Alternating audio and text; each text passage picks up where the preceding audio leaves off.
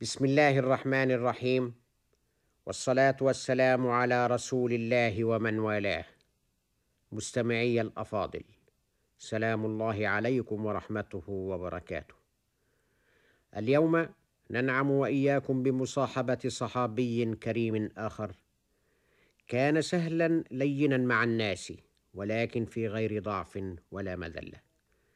وكان في الوقت ذاته قائدا محنكا. تاريخه جزء من تاريخ الشام بل قل إن تاريخ الشام كان في حقبة من الزمان جزءا من تاريخه وسيرته وقيادته. ونتأمل سيرة هذا الصحابي فنراه يقحم نفسه في مواضع الخطر حتى لا يصاب الرسول عليه الصلاة والسلام بضرر في محاربته كفار قريش. وعن عائشة أم المؤمنين رضي الله عنها عن أبيها أنه حين انكشف المسلمون يوم أحد وكان يوم بلاء وتمحيص خلص العدو إلى رسول الله صلى الله عليه وسلم فكسر رباعيته وشجه في وجهه ودخلت حلقتان من حلق المعفر في جبهته الطاهرة. فتقدم هذا الصحابي ونزع الحلقتين من وجه الرسول عليه السلام فسقطت ثنية الصحابي. وإنا لنطالع في تاريخ هذا الصحابي العظيم أنه حارب أباه يوم بدر واشتد النزال بينهما. اشتد النزال بين الكفر والإيمان فطعن أباه فأرداه قتيلا وذلك في سبيل العقيدة حتى لقد أنزل الله فيه قرانا يحفظه المسلمون إلى يوم يرث الله الأرض ومن عليها ويرتل في كل مكان طاهر. ذلك والصحابي الجليل عامر بن عبد الله بن الجراح الحارثي الفهري المعروف بأبي عبيدة والذي نعته الرسول عليه السلام بنعت لم ينعت به أحدا سواه ذلك هو أمين هذه الأمة فكان نعم الأمين. كان اعتناق أبي عبيدة الإسلام على يد أبي بكر الصديق الذي بذل غاية جهده في أن يضم إلى الإسلام رجالا وشبانا يعتز بهم هذا الدين الحنيف. ويرجون ليوم تشخص فيه الأبصار لمن يشد ساعد هذه الملة.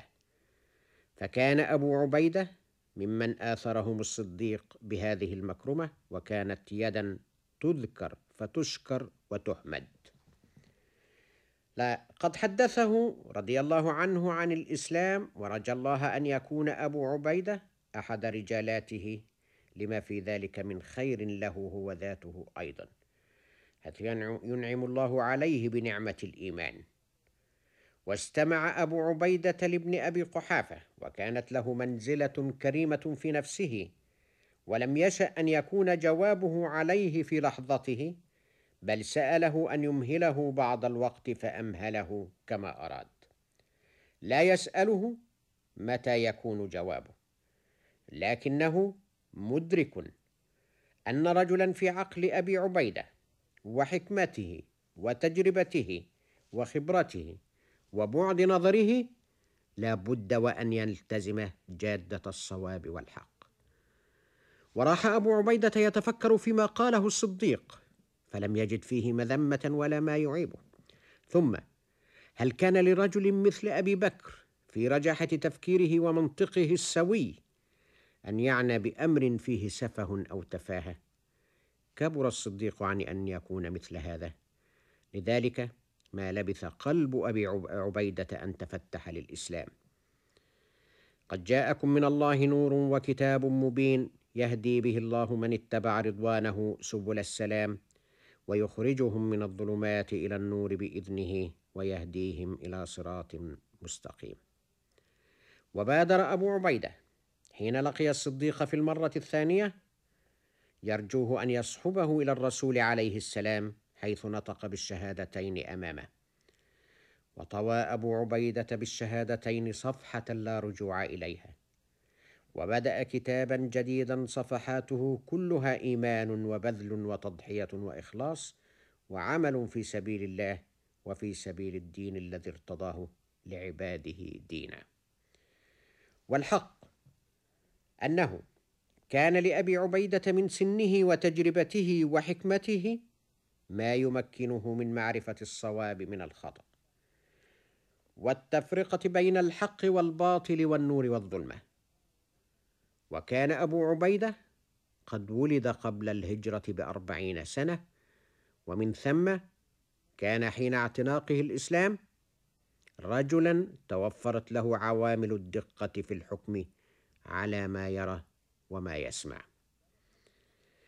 كانت هذه اللحظة نقطة انتقال في تاريخ أبي عبيدة ومنعطفا في تاريخ الإسلام ذلك لأنه آمن بعقله وقلبه وأخذ منذ تلك اللحظة أيضا يضع هذا العقل والقلب في خدمة الدين. وأدرك الرسول عليه الصلاة والسلام أي ركيزة صارت للإسلام بإسلام أبي عبيدة. فلنقف اليوم عند إسلام أبي عبيدة بن الجراح لنمضي معه غدا نسير وإياه في طريق الإسلام الذي سلكه. وشكرا لكم مستمعي الكرام على حسن إصغائكم والسلام عليكم ورحمة الله وبركاته.